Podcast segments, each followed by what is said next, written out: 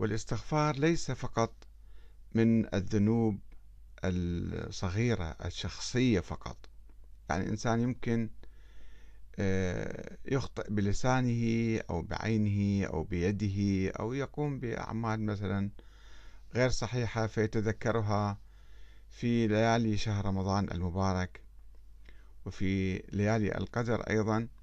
فيستغفر الله تعالى ويتوب وأيضا ندعو الله أن يغفر له وأن يوفقه لطاعته. ولكن هناك ذنوب كبيرة اجتماعية فكرية وسياسية. هذه الذنوب والأفكار الخاطئة المنحرفة آه، تؤدي إلى قيام أنظمة سياسية أو حالات اجتماعية سياسية خطيرة في المجتمع. يسفر عنها كثير من الأخطاء الأخرى الكبيرة وربما آه، تؤدي هذه الأفكار والمواقف و آه، إلى فتن في الحقيقة في المجتمع وإلى حروب وإلى قيام دكتاتوريات في البلاد.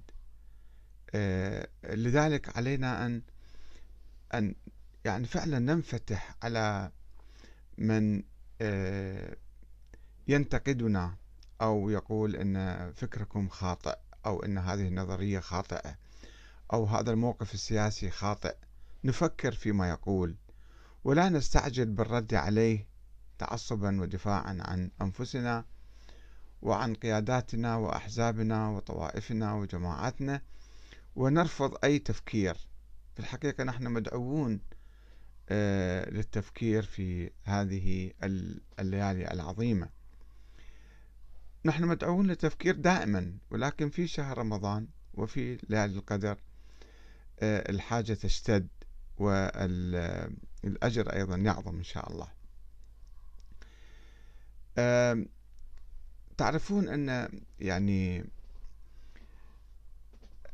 إحنا كمسلمين وكعرب عشنا على الدكتاتوريات عبر التاريخ. لدينا أنظمة مطلقة أنظمة دكتاتورية مطلقة وأيضا آه، حتى حركات المعارضة التي كانت في التاريخ. أيضا لديها نظريات آه، دكتاتورية مطلقة. إذا هي اجت للسلطة نفس الشيء ما يفرق. آه، كانت هناك يعني خلال المئة سنة الماضية حركات سياسية في مختلف البلاد وفي البلاد العربية وفي العراق أيضا. حركات سياسية تأمل أن تتخلص من الدكتاتورية وأن تبني مجتمعات حرة عادلة آه، ديمقراطية كريمة. آه، وكانت هناك أحزاب تتبنى هذه الرؤى لتطبيق العدالة في المجتمع. أو في مجابهة الأعداء الداخليين والخارجيين آه، ولكنها أخفقت. أخفقت عندما لجأت إلى القوة وقامت بانقلابات عسكرية. وأيضا عندما آه، جاء أفراد من هذه الأحزاب وسيطر على الأحزاب وقضى عليها وهمشها وأقام أنظمة فردية مستبدة مطلقة. ولا أريد أن أجيب أسماء في هذه المناسبة أنتم تعرفون التاريخ البعيد والقريب. آه، أيضا يعني خلال الخمسين سنة الماضية نشأت أحزاب إسلامية بديلة عن الأحزاب القومية واليسارية والليبرالية والحركات المختلفة والأنظمة التي كانت قائمة تلك الأيام. دعت إلى إقامة الإسلام وإلى حضارة إعادة بناء الحضارة الإسلامية. هكذا كنا نحلم قبل خمسين ستين سنة أن نعيد الحضارة الإسلامية. كيف نعيد هذه الحضارة؟ على أي أسس؟ على أسس العدل والحرية والمساواة آه، والإيمان بالله تعالى. وكانت من بين آه، الحركات أو النظريات هي نظرية ولاية الفقيه أو المرجعية الدينية. المرجعية الدينية أنا أتذكر كان هناك جدل في الستينات بين النظرية الحزبية اللي كان يقودها حزب الدعوة تلك الأيام في الستينات في العراق ونظرية المرجعية الدينية. وأتذكر قرأت كتابا كتاب مشهور للسيد حسن الشيرازي. أخو المرجع الحالي والأخ الثاني أكبر من عنده كان. السيد حسن الشيرازي كان عنده كتاب اسمه كلمة الإسلام.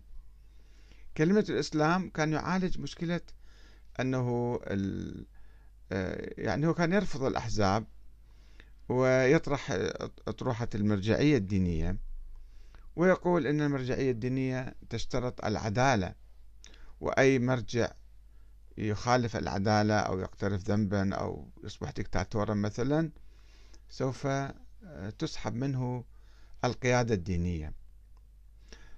ويعني كانت نظرية معتدلة أن يحاول أن يقول إذا أي مرجع يخطأ إحنا يمكن آه، يعني نصير ضده أو ننقلب عليه أو نسقطه. لذلك المرجع يجب أن يحافظ على عدالته. بعد حوالي عشرة عشرين سنة قامت الجمهورية الإسلامية في إيران. قامت على أكتاف حركة شعبية جماهيرية مليونية واسعة ممتدة في عمق الزمن منذ مئة عام منذ الحركة الدستورية. في مطلع القرن العشرين حيث كان يحاول الشعب الإيراني أن يقيم آه، نظاما عادلا مو ملكيا مطلقا وكان بقيادة مراجع مثل مرجع الآخند الخراساني اللي كان في النجف كان هو المرجع الأكبر ذيك الأيام. وأقاموا الجمهورية الإسلامية بعد الثورة يعني. الجمهورية الإسلامية إذا تقرون الدستور دستور رائع جدا في قمة التقدم والتطور الإنساني من حيث يعني العدالة والحقوق والحريات وما إلى ذلك. وكان الإمام الخميني على رأس هذه الجمهورية. ودخل في حرب مع العراق. والحرب استمر هجوم صدام واحتلاله الأراضي الإيرانية حوالي سنتين. بعد سنتين صدام انسحب ولكن الإمام الخميني رفض إيقاف إطلاق النار ورفض السلام حتى إسقاط صدام. استمر ستة أعوام أخرى. خلال هالسنوات الستة أو الثمانية بالحقيقة تدمر العراق وإيران. العراق وإيران تدمر والمنطقة كلها تدمرت في الحقيقة. كان سؤال لماذا لم يوقف الإمام الخميني الحرب؟ هل كانت هناك معارضة؟ هل كانت هناك دعوات من قبل المراجع أو قيادات الأحزاب لإيقاف هذه الحرب؟ يقولون نعم وأنا أعرف سيد محمد الشيرازي مثلا كان من دعاة إيقاف الحرب. سنة 82 أو 83 هو قال لي ذلك. و ولكن كانت الدعوات صامتة. لم يستطع أحد لا من داخل النظام الإيراني ولا من خارجه. حتى مجلس الشورى اللي هو مفروض يقرر في هالأمور هذه لم يكن له دور أو صوت أو كلمة في إيقاف الحرب أو استمراريتها. الحرب استمرت وبعدها إحنا اجينا صرنا نفكر أنه لماذا انفرد الإمام الخميني بقرار الحرب؟ لأنه كان يتمتع بهالة قدسية. رغم أن النظام ديمقراطي في مجلس برلمان وفي رئيس جمهورية وفي مجلس قضاء وفي خارج النظام أيضا مرجعيات قائمة وأحزاب قائمة ولكن لم يستطع أحد أن يقول للإمام الخميني مثلا أوقف الحرب هاي أنت. لماذا؟ لأنه كان عنده هالة دينية أيضا. الهالة الدينية أن هو مثلا نائب الإمام المهدي. هو عنده شرعية من السماء. هو مجعول كما كان هو يعبر عن ذلك في كتبه يعني وأنا قمت بدراسة لأفكاره. أن المرجع أو الفقيه مجعول ومعين ومنصوب من قبل الإمام المهدي. من يستطيع أن يقاوم هذا الإنسان اللي يتمتع بهذه الهالة القدسية؟ لا أحد يستطيع. آه بعدين تبين خطأ. حتى الإمام الخميني نفسه يمكن هو قال أن أشرب كأس السم. أو كل الناس شافوا أنه والله إيران دمرت خلال هالسنوات السنوات لو كانت إيران قابلة بإيقاف الحرب كان يمكن حصلت على تعويضات من قبل دول كثيرة عرضوا عليها مرارا وكرارا. وراحت التعويضات وراحت شباب ومدن محيت آه، عن وجه الأرض. وتعرفون اللي شنو صار بعدين؟ بعدين نفس صدام حسين تجربة صدام في الحرب. صدام اجى عن انقلاب عسكري في 68 ثم في 79 قضى على حزب البعث وامتلك السلطة منفردا ودخل في حرب مع إيران وحرب مع الكويت وحرب مع أمريكا وحرب مع الأكراد وحرب بالداخل والخارج إلى أن دمر العراق. ف القرار لا يجوز أن يكون بيد شخص واحد. يعني سواء كان رئيس دولة أو رئيس حزب نفس الشيء. يعني عندنا الآن إحنا النظام مثلا ديمقراطي في العراق وهناك قانون الأحزاب أن يكون الحزب في ديمقراطية في داخله وفي آه، يعني في انتخابات وفي برنامج مثلا وفي فكر معين و والناس يعني ينتخبون قياداتهم. لا أن يكون شخص مثلا رئيس عشيرة يجي يشكل حزب وعشيرته تتبعه بدون تفكير. يروح يمين يروحون يمين وراه يروح يسار يروح يروحون يسار وراه يوقف يوقفون. يرجع يرجعون. يتقدم. هذا نفس الحياة السياسية. نحتاج إحنا حركة ثقافة ديمقراطية في البلد عند جميع الأحزاب. أنه حتى عندما يصل هذا الحزب مثلا حزب فاز بالانتخابات وهو حزب ديمقراطي تكون في يعني في حركة داخلية في حركة نقد معارضة توجيه أمر معروف نهي عن المنكر سؤال القائد سؤال رئيس الحزب أنه لماذا عملت كذا؟ لماذا لم تعمل كذا؟ إحنا عندنا المرجعية. المرجعية الدينية في ظل النظام الديمقراطي الموجود أو النظام الديمقراطي في الحقيقة هو في ظل المرجعية. المرجع نفس الشيء. المرجع عندنا حالة ديكتاتورية. يعني أنا صرت مرجع. كل ما أقول يجب أن ينفذ. وكلما أسكت أيضا يجب الناس أن يسكتوا ولا يقوموا بأي شيء. مواقف الآن لا أريد أن أتحدث عن المرجعية ولكن هذه المرجعية أيضا يجي مرجع يعتقد نفسه هو أنه هو ولي أمر المسلمين في كل العالم وأنه معين من قبل الله. معين من قبل الإمام المهدي وبالتالي يحق له أن لا محاسبة مالية ولا محاسبة سياسية ولا حتى نقاش علمي أو حوار معه في ما يطرحه من نظريات. كل ما اجى بباله يطرح في فكرة معينة يطرح الفكرة ولو كانت خطيرة. ما في ديمقراطية في المرجعية الدينية. نوع من الثقافة الدكتاتورية بغلاف الدين وفي الأساس في الإسلام لا يوجد شيء اسمه مرجعية دينية. علماء علماء منفتحين والناس يتفاعلون معهم أي واحد عنده علم مثلا نستمع له وإذا شفنا عالم ويتكلم بعلم بمنطق وبأدلة وبراهين كلامه نحترمه وناخذه. مو أنه هذا قد يقوم يفتي كيفما يشاء لأنه هو مرجع بعد. ما حد ما يقدر يناقشه. هذه الحالة خطيرة فعلا. وخاصة عندما تركب على أو تتغطى بمسألة الإمام المهدي الغائب اللي هو مقدس إمام ثاني عشر معين من قبل الله ويلتقي به وبعض الناس يشيعون إشاعات سواء في إيران أو في العراق بالحقيقة. دائما الأتباع والحواشي وأجهزة الإعلام السرية اللي تابعة للمراجع والقيادات آه، تنشر دعايات كاذبة أنه هذا المرجع مثلا هو يلتقي بالإمام المهدي. وهذا موفق من الله والله يسدده والله مختاره أصلا. وهذا يعني يعملون هالة حول المرجع بحيث أنه الناس يصيرون يعبدوه عبادة. الله سبحانه وتعالى ينتقد اليهود والنصارى الذين اتخذوا أحبارهم ورهبانهم أربابا من دون الله. سألوا النبي المسيحيين اعترضوا وقالوا إحنا ما نعبد علماءنا.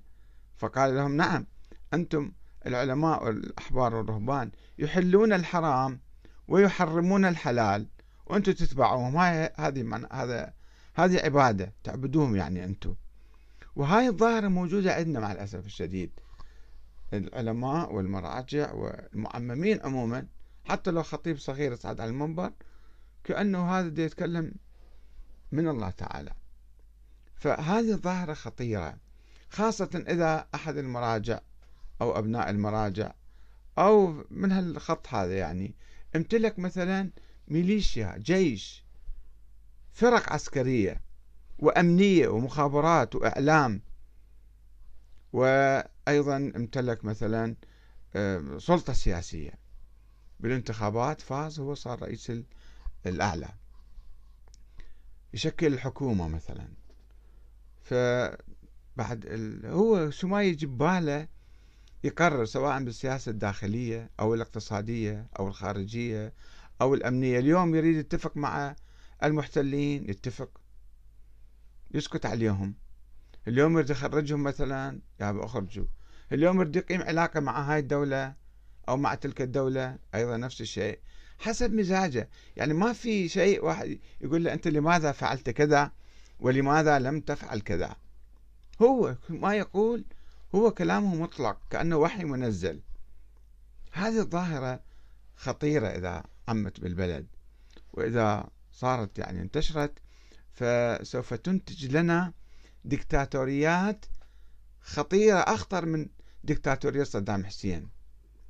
لأنها مغلفة بالدين والناس اللي كانوا يتبعون صدام أو جنود صدام يعرفون هو ظالم باطل وبالتالي قد يخالفوه قد يعني يشردون من كلامه أو ما يسمعون كلامه. بينما هذا إذا أصبح هو يتكلم بسم الله تعالى ودخل في عقول الناس البسطاء والسذج والجهلة والناس العاديين. أن هذا مقدس هذا يتكلم بسم الله تعالى. وكلامه إمام مهدي يعلمه ويعطيه أوامر أو تعليمات. فنتحول يعني أتباعه يتحولون إلى إلى جيش آه، خطير يعني. مو فقط هو يمكن يسيطر عليهم ويأذيهم أيضا ويضرب أي واحد ما يسمع كلامه أي واحد يشك فيه مثل ما كان صدام حسين يفعل.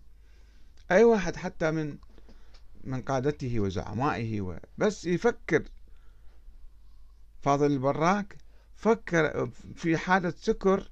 واحد سأله أنت تستاهل تكون رئيس جمهورية؟ قال له لو كنت أريد لفعلت جاب صدام بعد ما كان مدير الأمن العام أو مدير المخابرات أيضا عذبه وسجنه وقتله لأنه حلم بشيء أو فكر بشيء.